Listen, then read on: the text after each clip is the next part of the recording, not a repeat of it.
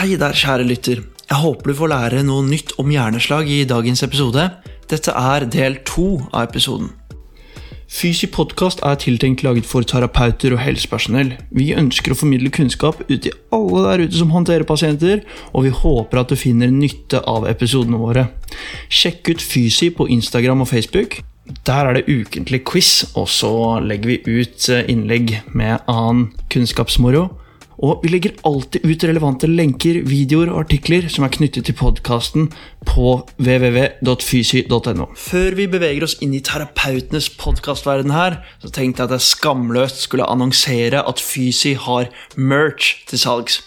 Nærmere sagt, vi har designet T-shirts. Husk å sjekke ut nettsidene våre for å se hvilke artikler og lenker som er vedlagt til eh, våre podkastepisoder. Og sist så vil jeg bare melde at eh, man kan kjøpe T-skjorte på fysio.no, og gjør det før det går tomt. Og ja, den koster bare 219 kroner, da. Yes, yes, nok om det. La oss komme oss i gang med dagens episode.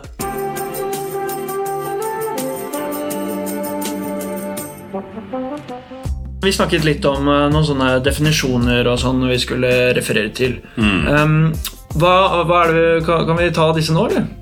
Ja, altså Det som på en måte har vært litt sånn gjeldende som jeg nevnte, som jeg tror liksom de fleste fysioterapeuter tenker på, er spastisitet, er jo en definisjon som kom i 1980 eh, av Lance. Og eh, han sier da at eh, spasticity is a motor disorder characterized by velocity-dependent increase in tonic stretch reflex with exaggerated tendon jerks resulting from hyperexability of the stretch reflex as one component uh, of the upper motor neuron syndrome.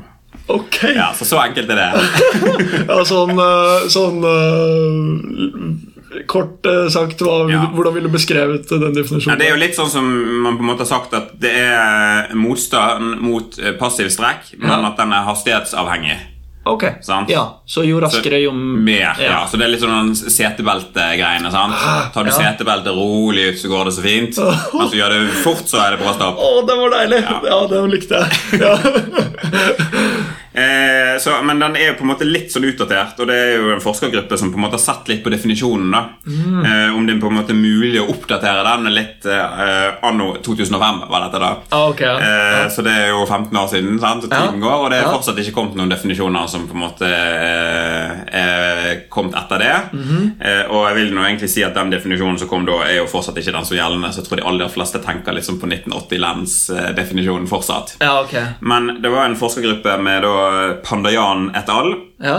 Som i 2005 prøvde seg på en ny definisjon, der de sier at spasticity is a disordered sensory motor control resulting from an upper motor neuron lesion presenting as intermittent or sustained involuntary activation of muscle. Ok. Så litt enklere har det blitt. Litt enklere. Ja. Ja. Og jeg tenker i det, i det praktiske så er man kanskje enda litt enklere. Ja.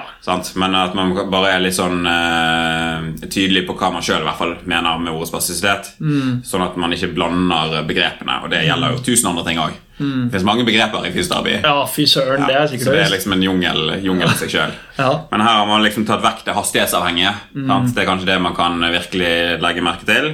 Og så er det noe med at det trenger ikke på en måte å være konstant. Det kan variere litt. Ja. Og det var litt det jeg eh, snakket om i sted, at det kommer an på dagsform, utgangsstilling, humør og alt mulig. Ja. Så kan det faktisk variere litt. Uh, så, ehm, vi sitter jo her på Oppsalklinikken nå og spiller inn denne podkasten. Og her er det jo masse treningsapparater og, og sånn. da Så Å si at uh, pasienten uh, da historisk er interessert i styrketrening, og det er et mål eh, å, å komme tilbake og, og jobbe på den måten. Når, når er det hvor, hvor dårlig kan man være for å drive med styrketrening? Nei, nei, jeg tenker det kan alle gjøre. Ja. Så, så det, det er ikke noe begrensninger i forhold til det, tenker jeg, for det kan man alltid få til på et vis. Ja. Så, men, men det morsomme i forhold til akkurat det der er jo det at det er mange som på en måte har som mål å få til å trene styrke igjen på egen hånd, f.eks. Mm. Så det kan være et kjempebra mål. Eh, og så har jeg jo hatt pasienter, godt voksne, kanskje rundt 60 år, kanskje, som Ja. egentlig kanskje aldri har trent styrke i hele sitt liv, aldri vært på et treningsstudio eller noe som helst, Nei. men deres hovedmål kan, kan være at de skal klare å trene alene i Ja. styrkerommet her. Ja. Fordi at de har sett at andre gjør det, og det er liksom et sånt mål så de har som en sånn gulrot der fremme. Ja. Så liksom den dagen de klarer å trene selvstendig styrke, så er liksom, da er liksom målet nådd. Ja. Og det er liksom, ja, Noen jobber veldig målrettet mot det. Mm. At de skal liksom, fordi at, ja, Får du ung i litt, slag i litt ung alder, Mm. så er det klart at da har man jo et langt liv foran seg. Absolutt. Eh, og det er ikke gitt at du på en måte kan gå til fysioterapeut eh, to ganger i uken resten av livet. Mm. Så det er klart at da er det litt på, på egne skuldre og, og mm, få trent. Altså Ja. holde kroppen i gang. Ja. Eh, drive med spesielt på en måte å vedlikeholde det man har klart å få til av funksjon. Mm. Så, så de fleste pasientene skjønner jo at det er mye egeninnsats sant, som må til. Ja. Jeg, jeg kan liksom ikke gjøre folk friske på en måte eh, i det hele tatt. Jeg kan hjelpe folk på vei igjen. Så det, det er jo team, teamwork, det der. Definitivt. Og så, er det noe med at øh, jeg prøver jo hele tiden å gjøre øh, pasientene mer og mer selvstendige. Sant? At de kan gjøre mer og mer sjøl. Og det er klart det er noe som gir mestring, så er det når de klarer ting sjøl. Oh, uten ja. hjelp av oss terapeuter. Ja. Så um, akkurat det der er um, veldig, veldig viktig. Så hvis vi, hvis vi snakker litt om dette her, belastning og trening, da Mm. Uh, Og uh, hvis, vi, hvis vi klarer da liksom å, å prøve å fokusere bare på spasi, spastisitet, spastisitet Ja, som, ja. ja, som et prinsipp her, liksom. Ja. Um, har du noen tanker om uh, liksom dosering Mm. og liksom, hvor ofte man skal eh, trene? trene? Eh, nei, og Der kommer jo egentlig nesten de vanlige treningsprinsippene inn. altså. Men det er jo klart at i en superspastisk muskel så er det jo en seier bare å få til å bevege i leddet. på en måte av og til, altså. Mm. For Noen spasmer kan jo gjøre sånn man ligger, som man ligger og rister, for det kan være så voldsomt. Ja. Og Spesielt hvis det er i store muskelgrupper som kvadriceps f.eks. Mm. Så det kan jo være en seier i seg sjøl hvis man får til å bøye i kneet. Så, så, men eh, det er jo det er liksom gangen i det. sant? Man må, man må få eh, få mer bevegelse. sant? Mm. Man må jo liksom tenke ok, her har vi en albue, den er det lite bevegelse i. Ja. Mm. Få opp bevegeligheten. Så kan du begynne å tenke eh, kanskje styrke da, Ja. den bevegelsen man har fått. Og for å få det til så må jo naturligvis og kanskje spastisiteten gå ned. Ja. Eh, av og til så ser man at det kan være fordel å være litt spastisk for å få ting til, men, eh, men eh, eh, Det er jo best er jo selvfølgelig hvis man klarer å ha en god funksjon uten at man er avhengig av en spastisitet. ja. Um, så de som på en måte kommer såpass langt at de kan uh, kanskje trene litt på egen hånd Så uh, veldig ofte da Så når man uh, på en måte kan drive med litt sånn vanlige styrkeøvelser på en måte Så har man kanskje et litt annet fokus enn det man hadde før Men, men jeg tenker alt i forhold til dosering og alt dette Så er det, er det vanlige anbefalinger som gjelder Ja, ja. Og hvis vi eh, liksom snakker om eh, den helt motsatte siden eh, av det, at tøying, passiv tøying mm. Hvordan Hva tenker du om det å, å bruke mye tid på klinikken og tøye på spastiske muskler og ledd, eller alt som ligger imellom, på en måte? Ja. Er det noe du selv gjør mye, eller? Det kommer helt an på pasienten. For det, eh, Hos noen så er det så spastisk at det på en måte, du får ikke gjort noe hvis ikke du gjør det først. Sant? Men jeg bruker liksom ikke en hel time på det. Nei. Men det er noe med at eh, av og til så må man det for å komme noen vei. Ja. Eh, så det er noe med ok, hvis du da har klart å, å fått tøyd litt, sånn at du får mer bevegelse, så er det noe med å være veldig konsekvent på ok, hva skal vi bruke den bevegelsen til. For at det er jo bare å tøye og få større bevegelse og sende pasienten hjem igjen. Eh, det, det mener jeg er litt bortkastet tid. altså. Ja. Så ja. selvfølgelig er det en pasient med mye smerter og, og, som følge av, av spastisiteten, og at man ser at man får en veldig tydelig smertelette som vedvarer av å bare tøye, så kan det kanskje ha noe for seg. Men, Ja. men det er sjeldent at jeg på en måte bare driver med det. Så jeg prøver liksom også Jeg sjekker alltid pasienten hver dag på begynnelsen av timen. Og så hver, hver time blir egentlig en undersøkelse. Ja. Man må hele tiden se hvordan det er nå. Og det er jo litt pga. at spasiteten kan variere veldig fra dag til dag. For eksempel. Det kan variere i forhold til humøret på pasienten. Ja. Er pasienten drosjende sein, for eksempel, så pasienten er superstresset, så kan jeg love deg at den dagen er det ekstra spastisk. Ja. Så, så det er liksom noe med at man må være veldig sånn tilpasningsdyktig Mm. i forhold til uh, hvordan uh, pasienten har det akkurat her og nå. Mm. Og tilpasse det man gjør ut ifra det. ja. Så Ja, det, det tror jeg sånn, Det er sikkert mange som har et uh, greit kalibrert uh, Greit kalibrerte antenner i forhold til det å, å sense en situasjon og sånn, da. Men eh, kanskje spesielt viktig eh, for å få en vellykket, eh, et vellykket tiltak fra Ja, dag til dag, da. Sånn er det jo med mange andre pasienter i fysioverdenen òg, i forhold til fatigue eller smerte, f.eks. Ja. Klart har pasienten ekstra mye smerte en dag, så ikke den dagen du skal gønne på med masse nye Nei, ting. Så Det så det føyer seg egentlig litt inn i rekken, sånn sett. Ja. Så det er liksom noe med Jeg er veldig sånn eh, tilhenger av at man, man må stole på ting man kan fra før. Mm. Så, eh, så tenker jeg det- alt man eh, kan som terapeut, gjelder òg i forhold til eh, nevrologi. Ja. Så det er ikke sånn at eh, det er sjelden at ting er kontraindisert. Så, så det er noe med å stole litt på seg sjøl og sin egen kunnskap og den erfaringen man faktisk har. Ja. Og så tenke at dette kan man virkelig bruke på eh, nevrologiske pasienter. Selv om kanskje ting kan av og til være litt mer komplisert enn med andre pasienter. Ja. Så, Ja, og så Det er jo på en måte på en um, Litt sånn som du opplevde under studiet. Liksom, det her er det vanskeligste Ja, hittil, og, ja. og, og liksom man kan, man kan kanskje Ja, det er komplisert og, og, sånn, men allikevel så er det veldig mange eh, prinsipper da, eh, som man kanskje, man kanskje ikke trenger å være så innmari redd for eh, med eh, denne pasientgruppen. nei, altså liksom den, den typiske slagpasienten tenker jeg er jo veldig godt eh, ivaretatt av en eh, typisk fyrstarbeid. Ja. Så man trenger ikke være noe spesialist på en måte for å drive og behandle spasisitet og eh, pasienter som har slag. Ja. Det kan hvilken som helst fysioterapeut eh, klare, tenker jeg. Ja, Så, så det, det er noe med å, å stole på, på det man kan, altså. Ja. Og så får nok jeg kanskje litt mer de utypiske pga. at jeg har valgt å fordype meg langt ned i alt dette kompliserte. ja. Så, så ja, men sånn eh, Jeg tenker det er fint, for det er noe med å bruke Bruke litt sånn kompetanse ut ifra hva man har valgt å spesialisere seg på. Og så er jo vi et stort og langstrakt land. Mm. Ja. Og det er jo klart at man kan ikke ha én spesialist i ulike ting i hver eneste kommune. I noen kommuner så er det en fysio, og den må ta alt som skjer. Ja. Sant? Og da tenker jeg at da er det viktig at man stoler på det man kan der. Sant? Mm. Så ja, så det, det- er litt sånn en geografisk utfordring òg, tenker jeg, Ja. i forhold til disse tingene her. Definitivt. Det er jo eh, Det er kanskje sånn litt rart, men jeg vet jo at det er mange studenter som hører på podkasten.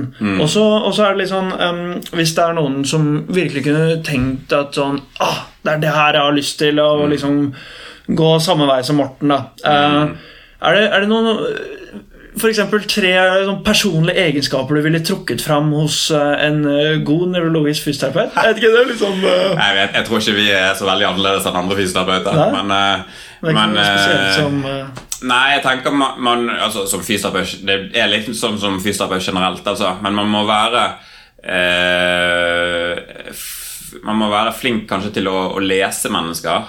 Altså kunne forstå litt hvordan de har det. Eh, og så eh, må man være nysgjerrig. Eh, man må være veldig sånn Man må ha et ønske om å prøve å forstå noe. Og prøve å på en måte forstå alt det kompliserte som ligger bak, og hele tiden tenke nøste, nøste, nøste. Og du skal undersøke mer og mer og mer og neste gang og neste gang. og neste gang Det tror jeg kan være en veldig god egenskap. ja. Eh, og så eh, må man være veldig flink til å formidle enkle budskap, tenker jeg, til pasientene. Sånn at eh, alt dette kompliserte uh, høres veldig håndterbart ut for pasienten. ja. Og det kan jo kanskje av og til være noe av det vanskeligste. Så det å bruke få ord og være tydelig og presis, og få pasienten også til å kanskje prøve å forstå en del sammenhenger, Ja. en superfin egenskap. ja, det er Men jeg tenker det der gjelder alle fysioterapeuter. Det er ikke noe spesielt på nevro. Nei, det er sant, det. Men ja, det er jo i hvert fall uh, Du har vært uh, lenge i nevrogamet, og det er i hvert fall tre viktige spesielt viktige egenskaper i forhold til nevrologisk fysioterapi, som det er masse andre retninger som det også er viktig på. Ja. Ja, så må man være litt eh, hardhudet, kanskje. For det kan, det kan oppstå veldig mye forskjellig i forhold til hvilke pasienter man eh, tar inn. Og eh, ofte så kan det være mye dødsfall. altså Det kan være mange tragiske skjebner man kommer borti. Ja. Men det kan det jo være på en måte i, i resten av fysioverdenen òg. Men mm. av og til kanskje litt eh, mer på nevrosiden, kan jeg se for meg. Så ja. Har du eh, sånn Når det har skjedd um, eh, dramatiske ting eh, blant dine pasienter gjennom tidene, da Har du noen eh, liksom, ting du føler har hjulpet eh, for å bearbeide eller å, å skape litt hard hud, på en måte? Fordi Nei. Jeg tenker det er noe med å kanskje ikke eh, få så hard hud heller, på en måte.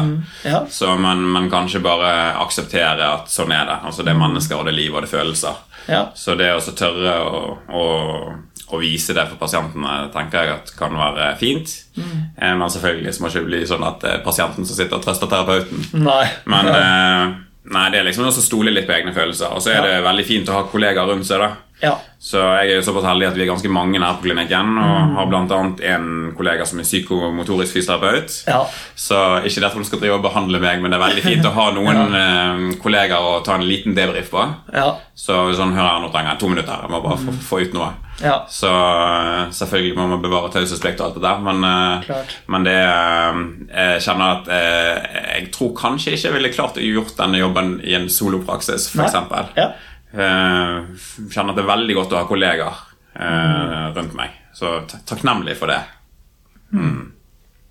Ja, det er eh, helt, helt klart viktig. Så, så eh, egentlig så koker det litt ned til at um, ja, det er fint å være menneskelig og kjenne litt på de følelsene, og så prate om det med, på en, en eh, måte og en plattform som er lov og Ja. grei å prate om. Pasienten er jo ofte åpen om det. Ja. Det er kanskje vi som holder litt igjen, for vi skal være så profesjonelle. Ja. Så Det er klart at man skal være profesjonell, men det går an å være profesjonell og vise litt følelser likevel. Mm. Så ja Ok, nå ble det litt sånn her dark corner her, men, men hvis vi bare skal bare flippe det helt, da. Ja. Hva er det beste med å jobbe eh, med nevrologiske pasienter, eh, eller er, slagpasienter? altså det er jo superspennende. Ja. Altså det er jo sånn, det er dritspennende, og du kan Ja. jo virkelig få ting til. Ja. Altså Når det gjelder slag, så er det på en måte, da har jo på en måte katastrofen skjedd, Mhm. og så skal det liksom gå oppover der, derfra. Og det kan du virkelig gjøre, selv om det er en dame på 96 år. altså Ja. Så eh, mirakler kan nesten skje. altså Det er ganske utrolig hva som er mulig å få til. Og mye av det skjer jo kanskje litt automatisk pga. av reparasjonsprosesser og sånn igjen, Mhm. Ja. men, eh, men alt kommer ikke gratis. Og det er liksom det vinduet der vi kan være med på å, å hjelpe til med at det kanskje skal skje litt ekstra ting. da Ja. så, Som å kunne lære å gå igjen, eller eh, klare å håndtere ting og få litt av selvstendigheten tilbake. Og, og det er jo noe som på en måte alle pasientene setter veldig høyt. altså Klare ting sjøl. Ja. Det er jo liksom det aller viktigste for mange. Ja. Så det er liksom, jeg synes liksom det å på en måte få lov å være en, en del av denne reisen til disse pasientene, syns jeg er ja, Det synes jeg er utrolig fint. altså. Så er det jo selvfølgelig ikke alltid det går sånn som man drømmer om, Ja. men allikevel så er det, er det stort sett en veldig fin opplevelse likevel. altså. Så klarer man å få en god, god relasjon til pasienten, og sånn, så er man stort sett til hjelp på et eller annet nivå likevel. 100 Så selv om kanskje ikke man kommer noen vei med den spastiske armen, eksempel, Ja. så kan det godt være at man har kommet langt av gårde med andre ting.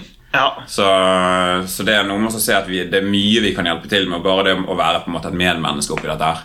Å være en person som pasienten kanskje tør å fortelle litt ting som de ikke tør å fortelle til andre. Ja. Eh, Kanskje du er den eneste personen de ser denne uken. Ja. Altså det, kan være, det kan være så utrolig forskjellig. Så jeg tenker vi kan bidra med utrolig mye. Og jeg setter liksom stadig mer og mer pris på den menneskelige siden av, av jobben. Og så er det, er det liksom en bonus at det er superspennende. Ja.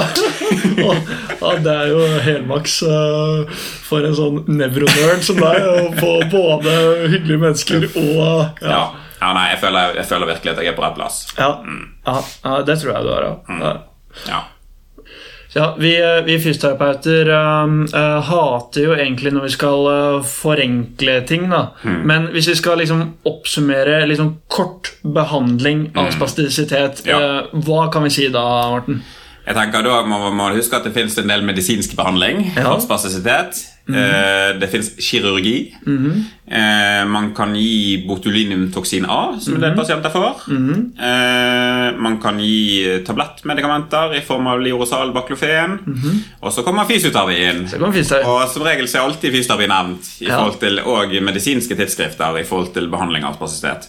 I hvert fall bør det jo være det, for Ja. det er god evidens etter hvert Mm. i forhold til hva vi kan bidra med. Eh, og øh, ja eh, Altså kort og konsist, ja. Jeg sliter litt med den.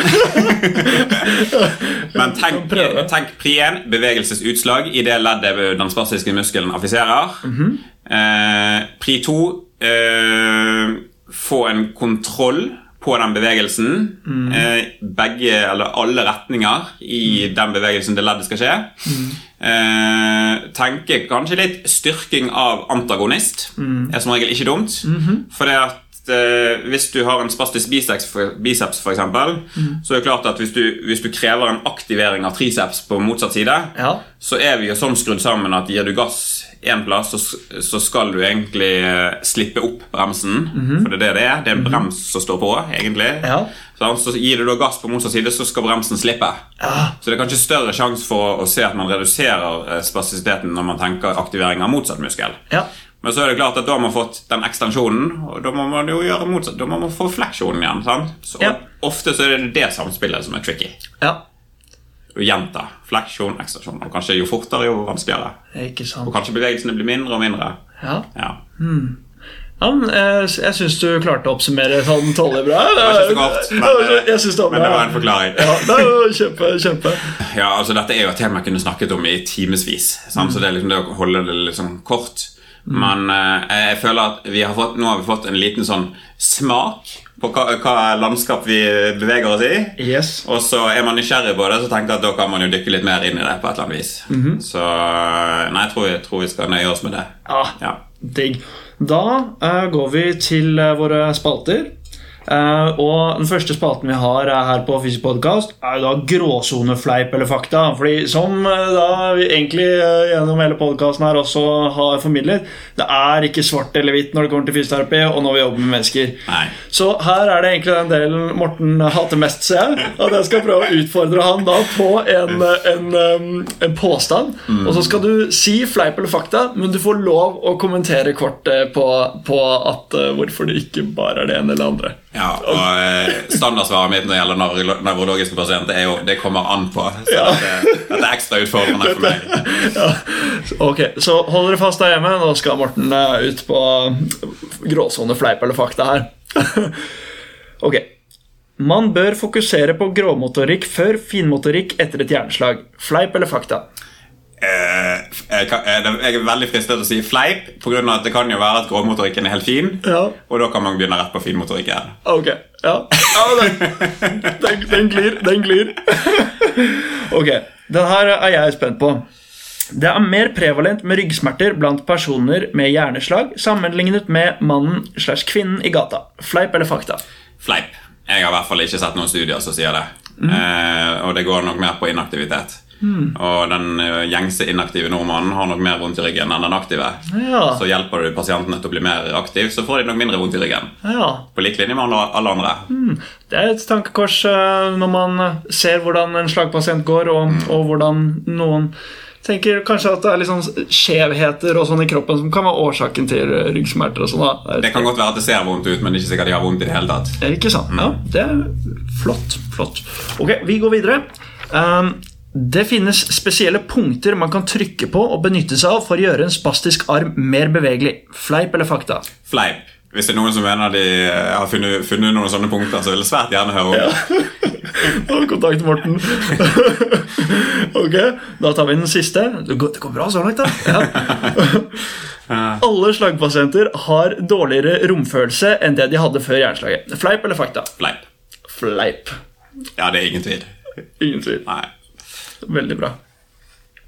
All right. Eh, vi eh, kjører eh, videre på spaltene.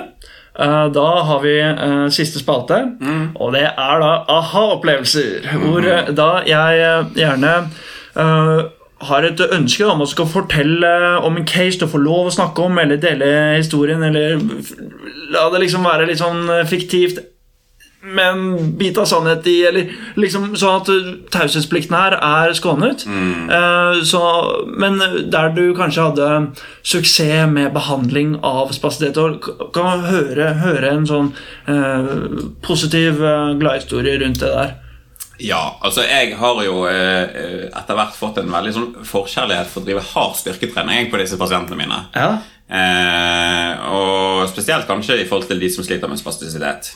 eh, og så i kjølvannet av dette så har det jo faktisk kommet noen studier som viser at det er veldig lurt. Oh. Så jeg hadde litt, eh, hadde litt flaks med den. Ja. men eh, men eh, jeg har fått en god del aha-opplevelser i forbindelse med det. Ja. Eh, der, altså Før så trodde man jo at eh, altså det var helt sånn fy-fy å trene tung styrke på en spastisk muskel, for da ble du mer spastisk. Man skulle ikke holde på med sånt, man skulle kunne drive med tøye og alt dette. Mm. Ja. Men så har man jo sett nå at ved å drive tung styrketrening, så øker man jo fyringen. Og da ser man også at da øker man òg stoppsignalene som man sliter med. Sant? Eh, informasjonsflyten går opp. Ja, ja. Eh, så jeg har gjort meg ganske mange egentlig aha-opplevelser med når du klarer å få pasienten til å aktivere veldig mye, hvor mye lettere det da blir å slippe etterpå. Og hvor stor effekt det har i forhold til spastisitet. Altså det, det, det, ja, Jeg vil si at det er egentlig kanskje mitt tidenes aha Ja. når det gjelder spastisitet. altså. Vil du fortelle om Nå finner jeg bare på et navn. Eh, Mm. Da Geir skulle gjøre eh, treningsøvelse, eh, har du, har du, eh, hva, hva skulle han gjøre, og hva var det som skjedde i praksis da? Jeg har hatt ganske mange pasienter opp igjennom som for eksempel, de kan ligge på ryggen Ja. eh, og klarer å ikke å, å bøye kneet opp mot magen. Er sånn klassisk. Eh, Spastisk eh, kvadriceps, kanskje flere muskler. Ja. Og hver gang de kanskje prøver på å få det til, så kanskje rister hele beinet, eller det bare går Det spasmer seg kanskje totalt til, Ja. og det blir vondt kanskje. en del pasienter har jo kanskje epilepsi i tillegg og er du livredd for at dette skal trigge epilepsi. altså Det kan være ganske mange ting rundt det der. Eh, men da kan jeg kanskje begynne med type eksentriske knebøy, da, eksempel. Ja. For å få kroppen til å skjønne at her er det en muskel som kan bli lang uten å bli spastisk, på et vis. Ja, Så det kan være en veldig sånn fin vei inn Ja. akkurat på den. Ja. Eh, og det virker, fungerer nesten hver gang. Ja. Så, men du må, du må være litt sånn kreativ i forhold til Du kan som regel ikke gjøre en vanlig knebøy. Nei. Du må tenke litt på akser og vektbæring og linjer og alt mulig. Ja. Og veldig ofte så har de en spastisk kvadriceps, så har de sannsynligvis noe spastisk i leggen som tvinger frem en plantarfleksjon, kanskje en innovasjon i ankel. Ja. Så da må du tenke litt sånn, okay, hvordan utgangsstilling kan jeg velge for at de får hele foten i gulvet, får en god base, Ja. og har forutsetningene for å kunne klare å slippe. Ja. Det må på plass. ja. Så øh, sånn øh, når du da øh, Er det sånn at du da bygger opp liksom rundt, eller? Vet du hva, Jeg gjør det kanskje nesten forskjellig med hver pasient. Altså, Ja, det, ja. det, her er det, Du må være kreativ. Kreativ Så hvis ikke det har kommet tydelig frem tidligere, så er, Ja. så er jeg føler nevroverden litt som du må være, du må være liksom byggmester Bob og lage 1000 nye øvelser hver dag. Ja. Fordi at uh, det er alltid noe nytt. Så det er liksom å bruke for eksempel Exolive for, eksempel, for å finne en øvelse til disse pasientene, det kan, det kan være ganske utfordrende. Så, for som regel så har alle sin egen variant Ikke av en sant. øvelse. ja. Det er et godt poeng. Mm. Så tilpasset til hver enkelt ut ifra de forutsetningene de har. Og så er det jo, må man jo selvfølgelig hele tiden oppdatere ting. Ja. For dette går jo som regel fremover. Når når du har gjort eh, da, den eksentriske squaten med Geir, eh, Ja. hva, hva, var det som, hva skjedde da? Liksom, hva var det som eh, Ble det be, mer bøy i kneet? Ja, det altså, ble ja, Det er jo der kanskje ofte pasienten får en aha-opplevelse. da Ja. For kanskje for første gang siden de fikk slaget, så kjenner de at jøss, jeg har faktisk en viss form for kontroll her. Så istedenfor at beinet bare har vært strakt og, spastisk og vondt, kanskje, så klarer de gradvis kanskje at De kjenner mer av beinet. De, de kjenner nye ting de ikke har kjent før. Aha. De klarer kanskje å kjenne at det, det er en kontrast i den informasjonen de får fra eh, det beinet. Ja. Og noe hjernen elsker, så er det kontraster. Ja.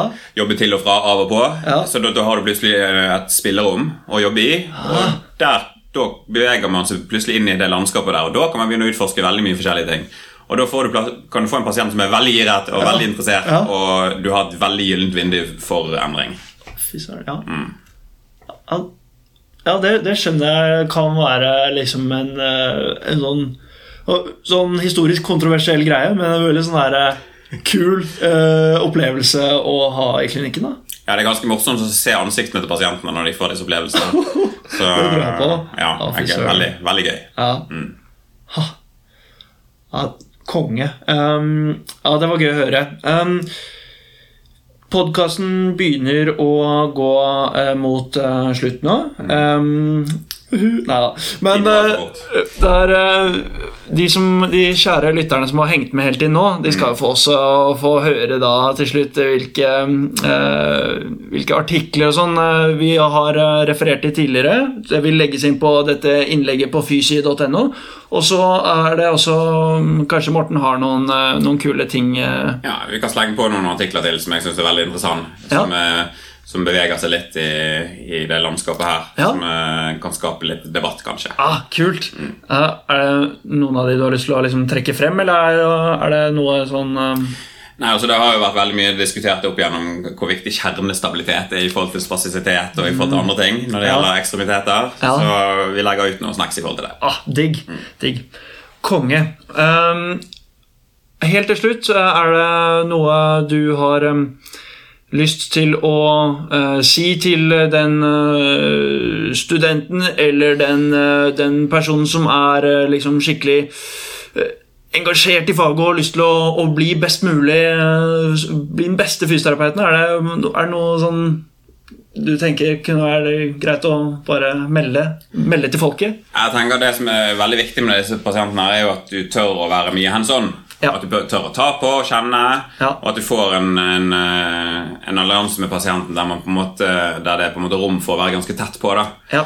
Eh, Så det å virkelig kjenne, bruke arbeidsredskapet hendene våre på en måte er, for å prøve å så nøste litt, for det er liksom en del av den undersøkelsen. Så vær, vær, bruk all, alle anledninger du har til å kjenne på pasienter med spasisitet. Ja. På, på bevegelsen, hvordan muskulaturen oppfører seg. Ja. Og ja, bruke mye tid der tror jeg kan være lurt. Mm. Jeg, jeg har jo ganske mye studenter som på en måte aldri har tatt i en spasisk arm før. Ja. Og det er klart at man vet egentlig ikke helt hva det er for noe før man har kjent på det.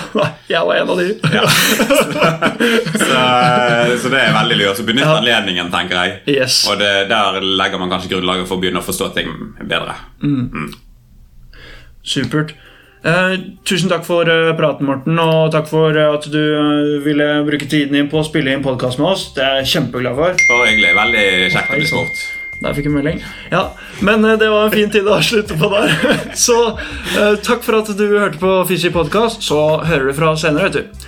Ha det bra. Ha det! Yes, Da har jeg bare en sånn liten melding på slutten av episoden her. Og jeg ville bare si at jeg syns det er så gøy at dere lytter på podkasten, og jeg blir skikkelig motivert til å lage flere episoder med formål om å formidle kunnskap. Vi vokser i lytterantall om dagen, og jeg tror det er fordi dere prater med venner, kolleger, medstudenter, og slik så spres, eh, spres ordet, da. Det er kult, og fortsett med det. Hvis du har noen eh, tilbakemelding, så send oss gjerne en eh, melding på Instagram, Facebook eller på mail på postatfysi.no. Så kan du gjerne rate oss i din podkast-app. Da er det flere som også får med seg dette i feeden deres, og det er jo også dritkult, da.